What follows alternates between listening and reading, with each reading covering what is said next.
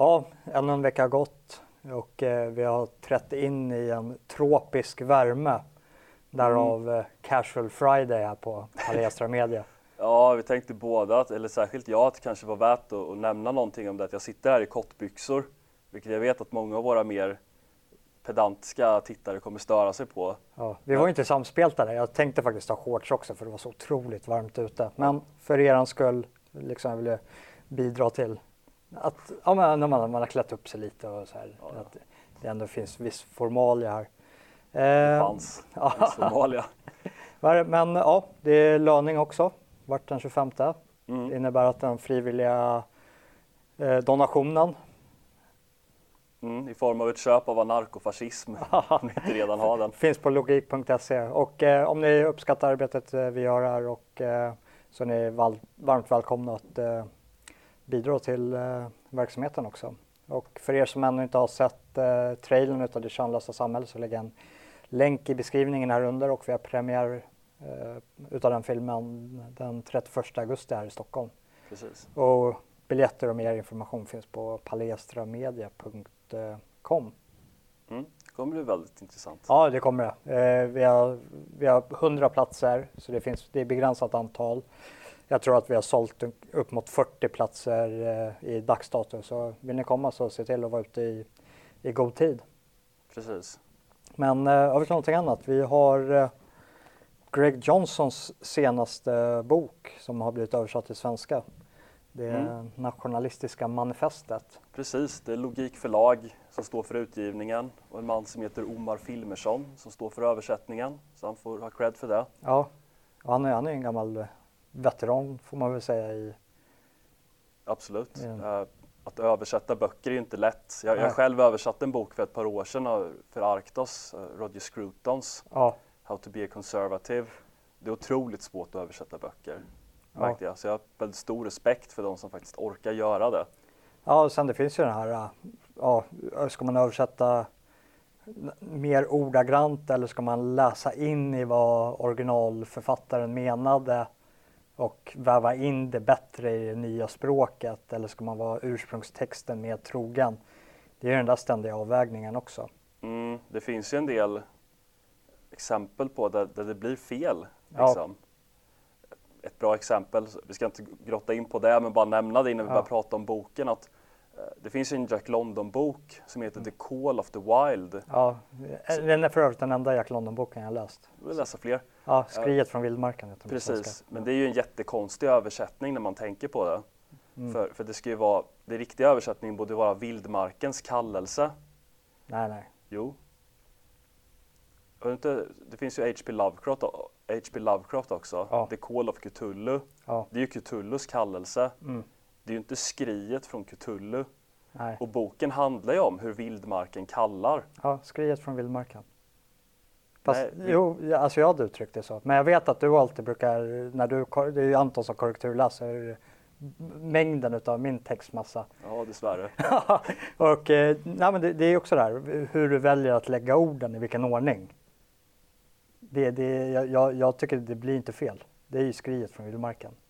Fast det är ju inte, jo, det är väl, och det är väl också där vi, man kommer in, ska man översätta vad det egentligen betyder? Ja. Eller liksom vad det står rent bokstavligt? Ja. The call of the wild. Ja, det är vildmarken som kallar. Ja, vildmarken kallar. Ja, skriet från vildmarken.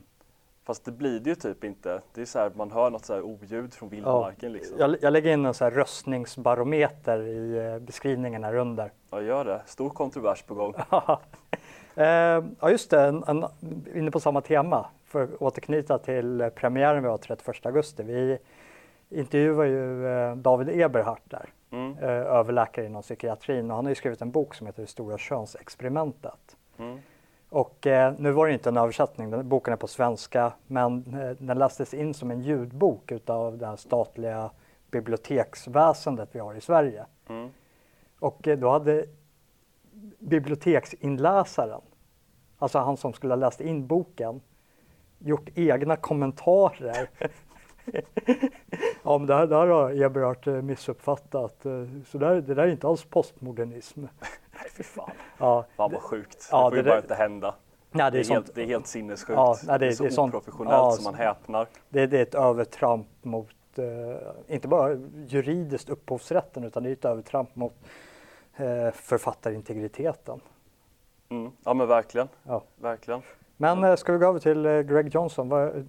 Jag, vet ju att du, eh, du har ju stor behållning av Greg Johnson när han skriver på Countercurrents bland annat. Ja, jag tycker han är väldigt duktig som skribent. Oh. Sen vet jag att han är inblandad i vissa kontroverser och sånt där som, som folk säkert kanske tänker på när de hör hans namn. Men, men om man bara ska hålla sig till hans skribentgärning mm. så tycker jag verkligen att han är en av de absolut bästa. Och det han gör med det här manifestet är väl att det är inte så mycket nytt egentligen för den som har läst honom sen innan. Men det är väl hans bästa försök att, att, att sammanfatta det som han hållit på och arbetat med under årens lopp. Ja. Och han tar väl sig an ett antal frågor i, i det här manifestet som har att göra med, eh, med olika typer av frågor som ryms, ryms inom nationalismen. Ja men det är väl ödesfrågan över ja, men, västerlandet, huruvida det är synonymt med vår etnicitet. Ja, precis. Vad, hur man ska betrakta olika frågor som vithet och olika typer av politiska strategier. Och, uh, han gör upp med en del, uh, reder ut en del begrepp helt enkelt. Oh. Och det är väl ganska bra för alltså, de flesta politiska ideologier har ju en eller annan omfattning uh, en kropp av litteratur där det beskrivs vad man menar och, mm. och vad man syftar till. Eh, och så finns det ju de här nyckeltexterna som kommer fram eh, som, som ofta refereras till och som folk bygger vidare till och, och upplever att de behöver förhålla sig till. I eh, konservatismen så finns ju Burkes eh, reflektioner om franska revolutionen. Inom marxismen, socialismen så har man ju självklart kommunistiska manifestet. inom liberalismen så kan man väl säga att John Stuart Mills, om, den heter väl Om friheten tror jag, Ja, jag vet faktiskt inte vad den, vad den heter. Jag för mig det, det är någon nyckeltext, jag för mig att den heter Om friheten eh, eller något sånt där. I alla fall de flesta ideologier har ju sin nyckeltext men jag uppfattar lite nationalism som ideologisk riktning.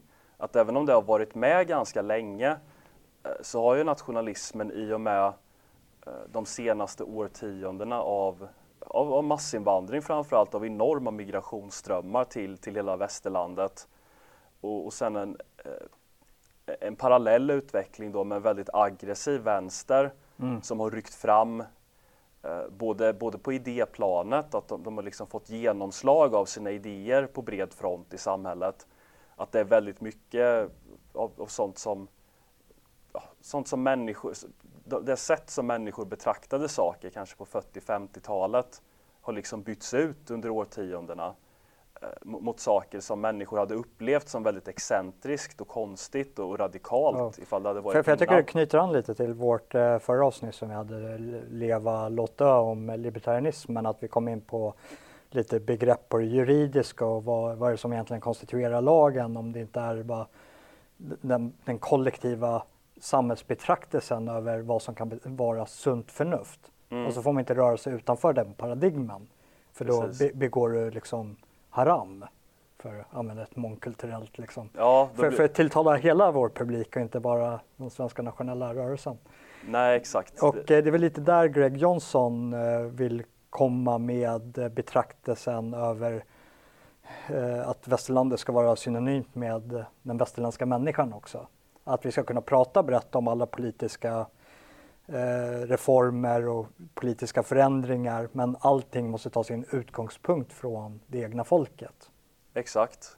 Och, och, det är ju inte konstigt för alla politiska ideologier har ju någonting som man kallar för ett subjekt. Mm. Nå någonting man tycker är viktigt och, och liksom vill lyfta fram framför andra saker. Uh, i, inom marxismen så är det ju klassen såklart. I, inom fascismen så är det staten inom eh, liberalism och libertarianism så är det väl individen om än att man kanske har olika tolkningar om, om vad det ska innebära och vad man vill göra för individen. Oh. Men i det här sammanhanget så är det ju folket som är det mest betydelsefulla. Och jag tycker den här boken har ett värde just för att eh, i, i takt med att de, vi har haft de här samhällsomvandlingarna där det har hänt väldigt, väldigt mycket på bara några årtionden. Det har liksom varit en revolutionär utveckling så får nationalismen en ny betydelse. att man vill lägga mer betoning på folket eh, än vad som tidigare har skett eller har behövts. Mm. Och det, det, är ju inte alls konstigt egentligen. För när det är, när det är någonting som, som är stabilt, som man bara kan förutsätta, som inte är omtvistat, då finns det ju ingen anledning att, att prata så mycket om det. Det är en ganska intressant poäng och det var lite det vi var inne på, knyta tillbaka till förra avsnittet också, att eh, den nationella rörelsen har ju haft en mer eh, decentraliserad syn på nationalismen. Och det kan nog bottna mycket i, som du säger, att eh, vi bör röra oss närmare betraktelsen till att det är folket som ska gynnas av nationalismen och inte nödvändigtvis staten. Nej, och, och en gång i tiden när vi hade nationalstat, alltså att det var ett ganska homogent land. Och då blir ju mer nationalismen, då mynnar det ut i en starkare statsapparat. Absolut. Den, den tidiga nationalismen på 1800-talet, den var ju allierad med liberalismen. Ja. Därför att man ville avskaffa den här resten av den gamla feodala ordningen. Man ville avskaffa liksom ståndsprivilegier ja. och, och, och, olika typer av reaktionära grepp som fanns i samhället. Som, som låg i vägen för individen, men som också låg i vägen för staten. Ja. Att det, för att det fanns de här gamla krafterna som inte ville se det. Så, vi, så vi ser ju en förändring där över liksom betraktelsen till vad som är nationalism. Precis. Och där kanske man kan börja prata om, eh, för man lyfter in eh, Amerika som kanske har det här mer patriotiska begreppet. Mm, som, som, kanske då är mer synonymt med vad nationalismen var förut. Över att, ja, men, eh, om nationalismen är utifrån den här ståndpunkten är det etniska folket så blir då patriotismen till liksom, idén om staten eller vilka värderingar som eh, minnar ut i staten. Exakt, det, det, är en bra poäng och det är någonting som Greg tar upp här också när han, när han diskuterar konservatism. Mm. Och det, det, är faktiskt en bra diskussion för det är någonting som jag själv har, har observerat eh, nu finns under årens lopp när nu finns, jag upplever inte riktigt att, att det finns konservatism i Sverige på samma sätt som det fanns innan för något årtionde sedan. Liksom. Men, men det finns det ju i USA mm. och någonting som konservativa gärna gör eh, det är att de fäster all uppmärksamhet vid olika typer av, av yttre symboler, lite som du var inne på innan. Det här med konstitutionen, eh, med, med flaggan, med olika typer av liksom, gamla friheter eller eh, olika typer av liksom, enskilda litterära verk eller vad, vad det nu kan vara. Liksom. Men där tror jag Greg vill gå tillbaka till något mer ursprungligt och, och säga att att inget av det här skulle ju finnas eller betyda någonting om det inte var för människorna som hade skapat dem till att börja med. Mm. Och det som håller på att hända i USA och på andra ställen är ju att konservativa är helt fixerade vid att bevara konstitutionen som inte kommer betyda någonting ändå ifall man byter ut människorna som liksom skapade konstitutionen och som det betydde någonting för. Ja, man märker det med att eh, när eh, maktskiftet går i en viss riktning så kan du ha samma lag, för det är ju vad konstitutionen är, det är ett fast eh, ramverk över hur landet ska styras. Mm. Men det är ju den som faktiskt sitter på den juridiska makten till exempel i Amerika i högsta domstolen och den som sitter på den exekutiva makten i form av presidentposten som har ett ganska stort tolkningsföreträde över hur ska de här lagarna och paragraferna läsas. Och det är ingenting som är statiskt utan det kommer ju avgöras och bero på vem det är som faktiskt bestämmer. Och i ett demokratiskt system så är det ju demografin som eh, i slutändan avgör den. Ja, ja men precis. Det är lite lustigt egentligen att konservativa har den inställningen. Mm. Eh, kommer, det finns ju en ärkekonservativ reaktionär person som heter Josef Dumaitre som var, var kontrarevolutionär i, i Frankrike. Eh, som som motsatte sig revolutionen helt, helt och hållet. Eller, ja, han hade en int egen intressant tolkning av den. Men, men, han var ju helt emot det här med, med konstitutioner som, som någon liksom storhet i sin egen rätt. Oh. Utan han menade ju att den verkliga konstitutionen, det är ju den levda erfarenhet som finns mellan människor, mm. den kulturella väv. Och sen ifall man kodifierar det och skriver ner det på ett papper då är det en sak. Ja. Men det är ju inte det som är det verkligt betydelsefulla utan det som är verkligt betydelsefullt är de här erfarenheterna och liksom sättet att förstå politik, förstå samhället. Ja men verkligen, och då är vi inne på det här med sunt förnuft över liksom, ja, den uppfattade verkligheten och hur människorna lever är det som också minnar ut i sen vad som blir skrivna lagar. Mm. Alltså hur vi lever idag blir morgondagens lagtext ifall inte de två sakerna korrelerar. Mm, precis. Då blir det lite märkligt att bara fästa sig vid de här liksom juridiska uttrycken. Oh. Som att de var liksom på egna ben stående storheter. Ja, eh, men eh, ja, vi rekommenderade boken. Jag vill bara säga någonting ja. mer som, som, jag tycker är viktigt och det är, Greg har ju en hel del diskussioner där om, om metapolitik och sådana där saker. Eh, men, men någonting som jag tycker att han gör ganska bra är ju när han eh, pratar om nödvändigheten att etablera nationalism som någon sorts överideologi. Och överideologi, det är ju inget begrepp som han använder utan det är någonting som kommer från en svensk statsvetare som heter Herbert Tingsten. Ja. Som var väldigt skarp på många sätt. Och eh, eh, han analyserade demokratin som överideologi. Och, och, och överideologi är ju någonting som, apropå att återknyta till det här vi pratade om med sunt förnuft, det är ju någonting som alla har accepterat och som ingen omstrider. Mm. Det, det, är någonting där alla möts liksom, som alla eh, ger sitt godkännande för att överhuvudtaget vara med. Alltså svenska partier har ju under den tid de funnits, under hela 1900-talet, eh, alla försvarat demokratin. I synnerhet efter andra världskriget så har alla gått med på den demokratiska ordningen utan att ifrågasätta den. Även om man sedan har haft olika synpunkter på fördelningspolitik och arbetsmarknad och fackliga rättigheter och sådana där saker. Men det som Greg menar är någonstans hans mål, eh, som jag tycker är ett ganska liksom rimligt och sympatiskt mål, det är att man eller återetablerar ska jag säga, nationalism som överideologi. Ja. För det var ju ingen som ifrågasatte på 40-talet att det fanns ett svenskt folk. Nej. Nej, det, det, är den viktigaste poängen och det är så påtagligt tydligt hos de svenska riksdagspartierna idag, förutom möjligtvis Sverigedemokraterna, och det är att ingen av dem kan säga att vi, vårt existensberättigande som parti är för, är för att främja det svenska folkets intressen. När vi kan få alla partier att liksom ha den grundsynen att vi existerar för att främja svenskarnas intressen. Och sen ska man ha olika liksom, tolkningar och uppfattningar om vad som är svenskans intressen. Men det är ju det som måste vara den gemensamma beröringspunkten för att kunna ha någon form av konstruktiv dialog som gör att landet kan börja må bättre igen. Absolut.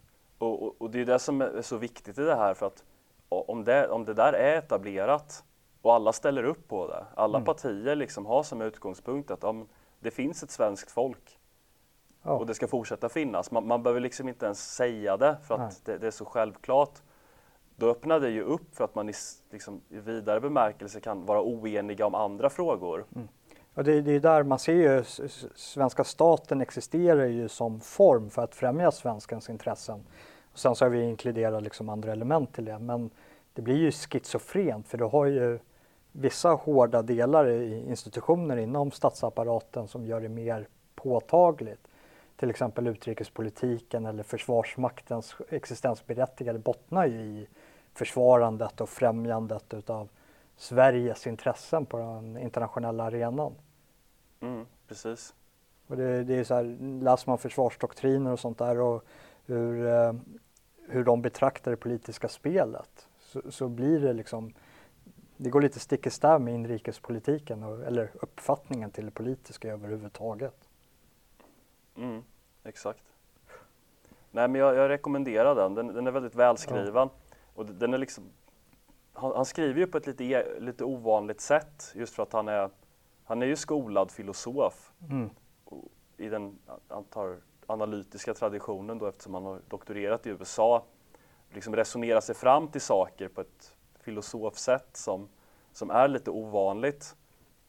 Och sen är det också det här som jag som jag öppnade lite med när, jag, när vi började den här konversationen om boken. Just att nationalism som, som det fenomen som vi känner idag, som tar sig an de frågor som är aktuella idag. Det, alltså det är lite ett brott egentligen med gamla tiders, av, av vad som kallades nationalism i gamla tider. Mm. Jag vet, vi, vi, gjorde, vi, fick ju en fråga för ett tag sedan om eh, svenska tänkare mm. och hur man var inspirerad av dem typ Adrian Molin och Rudolf Kjellén och de här. Och ibland kan jag tycka att det är lite svårt att vara inspirerad av den typ, tidens tänkare därför att det blir lite ett för stort brott mellan dåtid och samtid. Att den typen av frågor som, som de eh, behandlade, de har lite fallit i glömska på något sätt. Ja. Eller saker och ting har förändrats eller liksom tiden har gått vidare. Ja, men det är så här, arbetar man med politiska lösningar på, på faktiska problem så är de problemen är ju här och nu. Och när de är lösta så kommer kanske andra problem uppstå i framtiden som de lösningar som vi presenterar inte alls kommer vara allmängiltiga över tid utan det är någonting som är specifikt liksom just här och jag har svårt att tänka mig att Rudolf Kjellén skulle kunna se framför sig den mångkulturella smältdegel som Sverige har blivit och börja prata om ett folkhem i det sammanhanget. Det, nej, det, nej, det, hade, det hade inte gått ihop. Nej, det hade ju varit liksom helt bortom deras horisont att ens föreställa sig. Men det jag vill komma till är lite att den här typen av litteratur är viktig just för att bygga upp en kropp av litteratur mm. runt den här nya nationalistiska riktningen. Så att det finns något att läsa helt enkelt, så att de här uppfattningarna är liksom kodifierade någonstans. Så inte folk som är intresserade av nationalism eller sådär eh, bara måste gå tillbaka till tänkare som, som skrev innan de problemen som den nya nationalismen, eller vad, ska, vad man ska kalla det, diskuterar och aktualiserar. Nej. Och eh, det nationalistiska manifestet utav Greg Johnson finns på logik.se. Mm. Och jag tror för er som vill uh, höra honom tala så kommer han tala i Köpenhamn 12 oktober på, på Skansa Forum. Som Just det. Frode Midjord håller i. Ja. ja. Men uh, fall vi går till uh, nutid och bort från det teoretiska och litterära. Så vi fick en tittarfråga från förra avsnittet också. Det var så här, prognosen för, för Sverige. Hur, mm. hur går det här att applicera på dagens klimat och vart är, vart är Sverige på väg? Det är, det är en gigantisk fråga så vi, vi kommer nog skala ner den här. Men, ja, annars blir det nog svårt faktiskt. Ja. Så, så en, en, kort, kort tagning på det så får du, får ett replikskifte av mig här sen. Ja, just det. Nej, men jag... Ja, till att börja med, okej, okay. vart, vart är Sverige på väg? Mm. Alltså i, i bred bemärkelse och sen vad bör vi som befinner oss i den Sverigevänliga rörelsen göra för att bemöta det här hotet som vi befinner oss i? Jag tycker det är intressant för allting äger rum någonstans på flera fronter. Att någonting kan ju gå väldigt bra samtidigt som andra saker kan gå väldigt dåligt. Att någonting som jag uppfattar som, bra, som väldigt bra eh, det är ju att opinionsbildningen går framåt. Mm. Eh, nu gick det ju inte riktigt så här som, som många hade tänkt sig i, i valet. SD fick 18,6 procent tror jag. AFS fick 0,6 eller någonting i den stilen. Vi var många som trodde att SD skulle få betydligt högre, kanske upp mot 25 procent. Ja, man pratar ju om SD som Sveriges största riksdagsparti och eh, ja. de slutar upp som det tredje största, vilket de var, var innan också. Mm.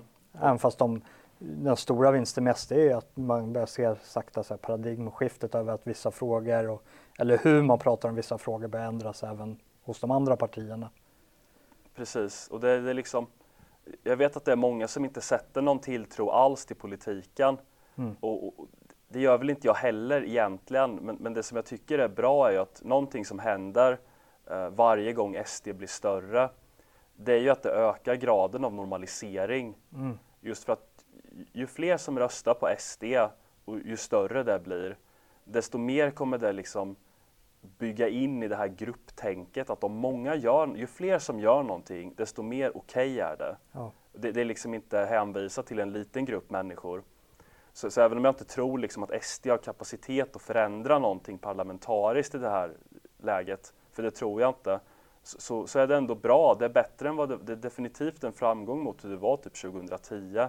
Ja, man ser den här normaliseringsprocessen och det, det är väl lite inne på hur jag ser hur vi ska bemöta det också får man kolla vad man själv kan göra. Och har man varit en del av den Sverigevänliga rörelsen över ganska lång tid så har det hela tiden kommit med att värderingar har ställts mot varandra. Alltså släkt, familj, vänner, inkomst kontra att faktiskt att man har sett ett problem i samhället och vill tala upp om det problemet och försöka hitta någon lösning på det. Och de, de värdena liksom har stått i motsatsförhållande till varandra. Det har liksom varit välja det ena eller det andra. Och har man valt att tala om de här problemen så har det kommit med stora sociala kostnader. Ja men verkligen. Och eh, det är väl där jag ser framtiden för svensk nationalism över att det är faktiskt upp till oss att göra den nationella rörelsen eh, attraktiv. Att det ska inte komma med en social kostnad över att börja tagit upp om de här problemen och försöka hitta lösningar på det. Och där, ja, som du var inne på med SD, att de har bidragit mycket till normaliseringsprocessen av att prata om de här problemen. Men det finns mycket mer vi kan göra i den Sverigevänliga rörelsen och det är ju Fortsatt arbeta med parallella strukturer, idrottsföreningar, kulturella föreningar, eh, rösta med våra kronor vart vi handlar, eh, anlita rätt former av företag, eh, omge sig med rätt former av personer och eh, bygga upp någonting som andra människor vill vara en del utav, även fast det är på väldigt så här, lokal, kommunal nivå. Och ja. sen när man kan börja dominera en samhällsbild i vissa orter för att läsa att man har börjat kolla att ja, men här i de här områdena så existerar rätt värdegrund, alltså utifrån vårt perspektiv. Att man börjar orientera sig ut mot det och eh, tillsammans med andra försöker förändra den samhällsbilden som råder där. Och sen om vi ska gå in på det politiska spelet, ja, kan man börja påverka lokalsamhället och ändra den lokala samhällsbilden, ja, kan man börja driva den kommunala politiken i en riktning för att gynna en själv på den nivån som vi, man faktiskt lever och verkar på. Och inte bara stirra sig blind på riksdagsnivån. För, för, det är det som är lite problemet med eh, alla former av revolutionära rörelser. Jag räknar oss som en revolutionär rörelse även fast vi inte uppmanar till våld eller någonting utan det är en revolutionär rörelse i form av idé och hur man betraktar världen. Men det är att man hela tiden har blickfånget alldeles för långt bort. Man pratar om, kan fastna i så geopolitiska mm. diskussioner med eh, meningsvänner. När man egentligen borde prata om, okay, men hur kan vi göra vårt liv bättre tillsammans med de människorna som vi bryr oss om bättre. Absolut. Så jag tror att man bör bara, bara vända på det spektrumet och börja i rätt ordning.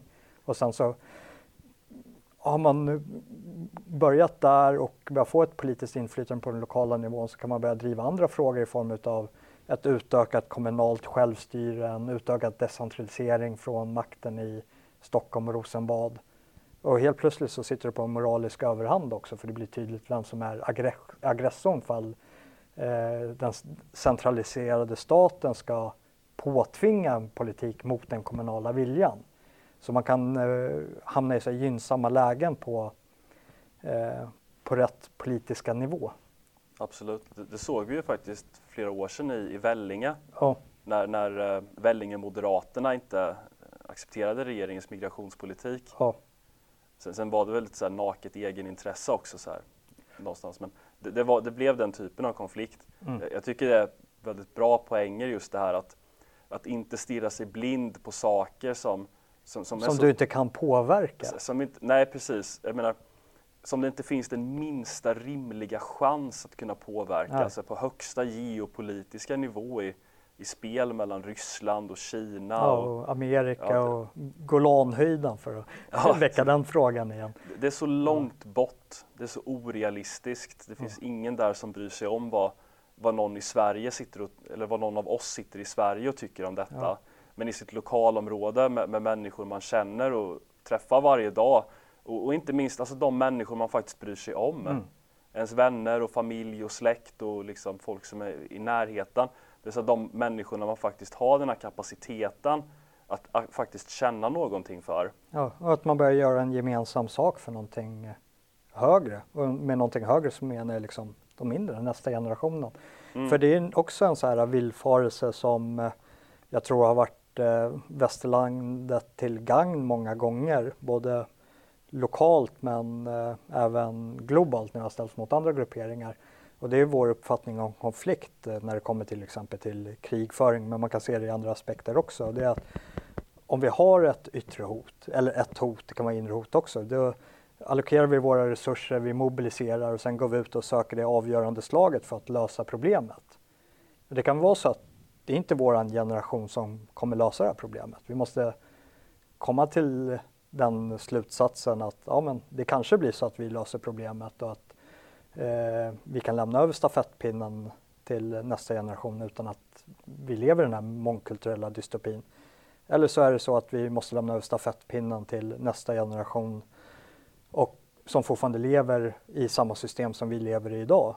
Och eh, då måste vi börja tänka i mer långsiktiga termer och inte söka avgörande slaget som har varit en ganska lång västerländsk tradition av att bemöta hot utan att tänka i termer över att eh, när vi började engagera oss politiskt och i den Sverigevänliga rörelsen vilka förutsättningar hade varit gynnsamma för oss att ha när vi gick in i det som inte existerade då och se till att nästa generations kämpar går in med, med bättre förutsättningar än vad vi själva hade.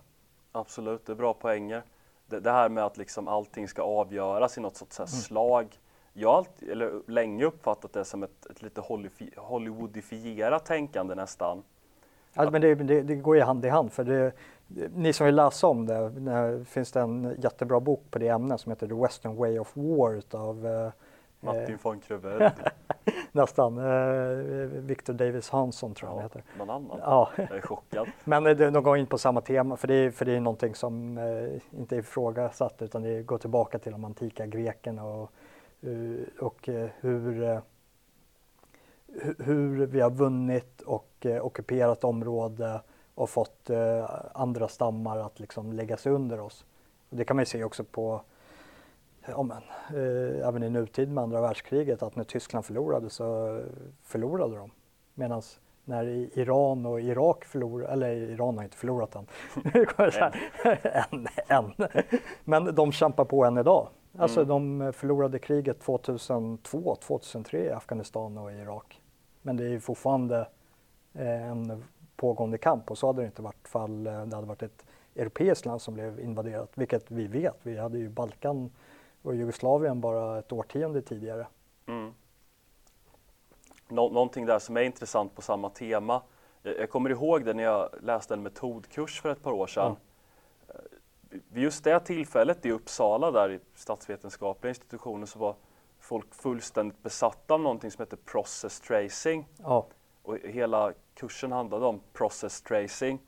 Och jag, jag, jag tänkte inte jättemycket på det då, för det var ingenting jag själv var intresserad av att använda i, i, i mitt eget arbete men det är faktiskt väldigt, väldigt smart när man tänker på det. Och, och, vad det går ut är egentligen att det är en sorts historisk metod eh, där man spårar processer. Och det man gör är att man, man tittar på de här på, på liksom stora händelser som syns på kartan.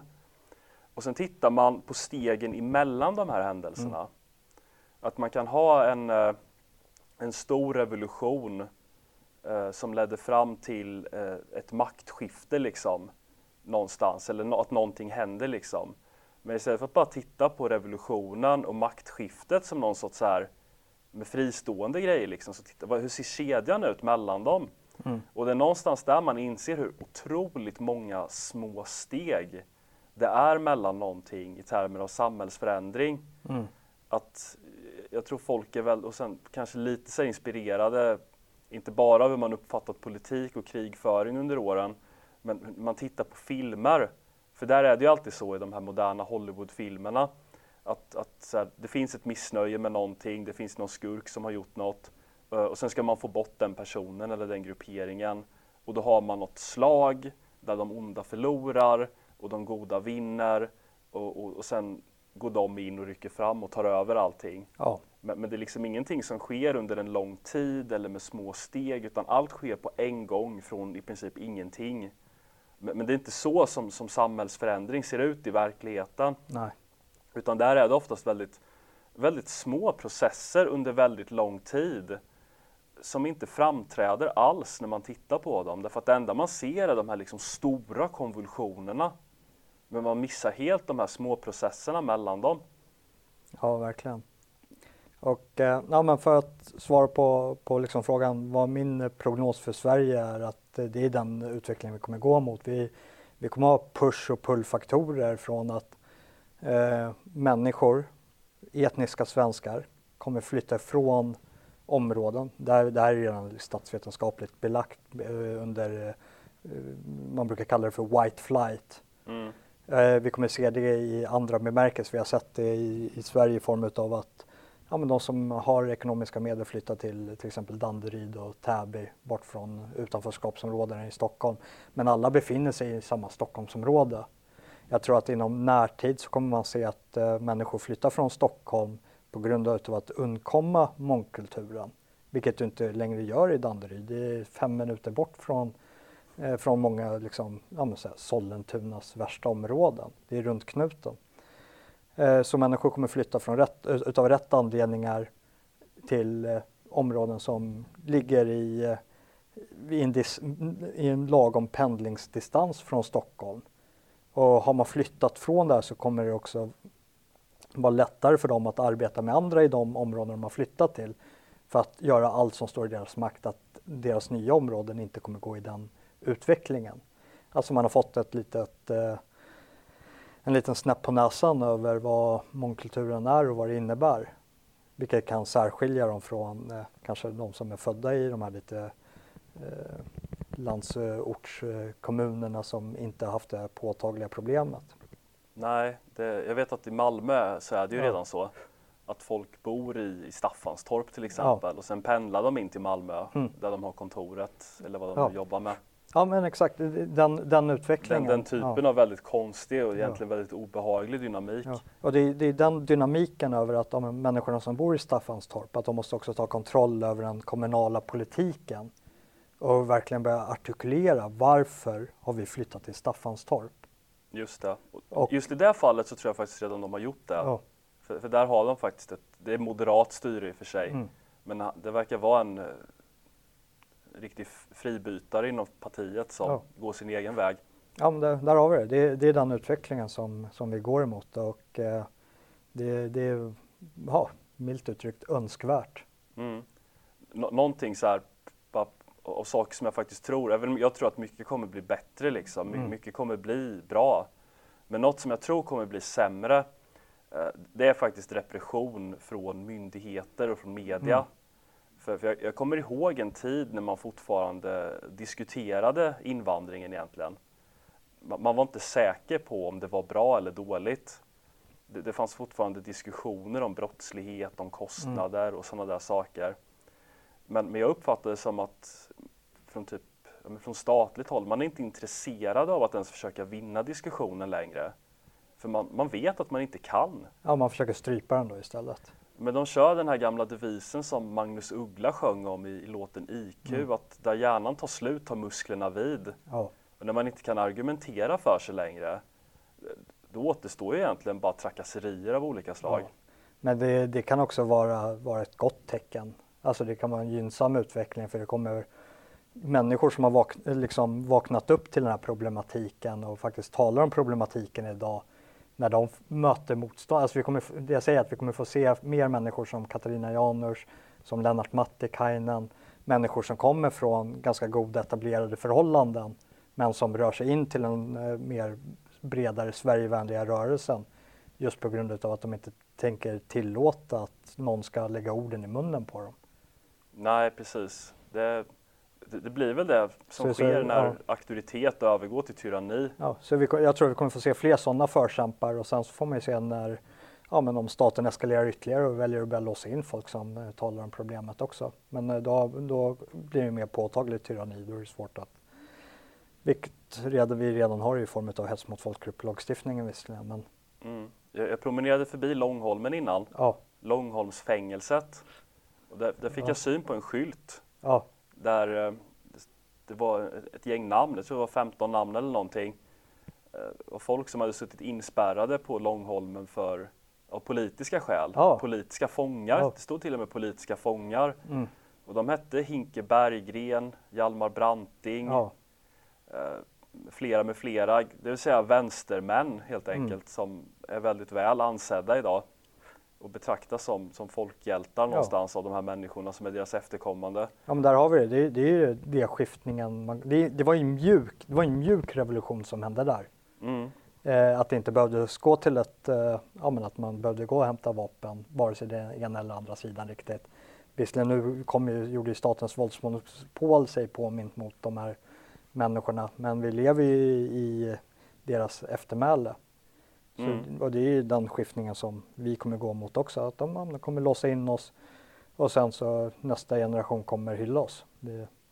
Mm. det stod också att visionen om ett annat samhälle kunde inte inrymmas på Långholmen. Nej. Ja. Tunga ord. Eller hur, kan låta det där plakatet vara kvar, bara lägga till eh, nya namn där under sen.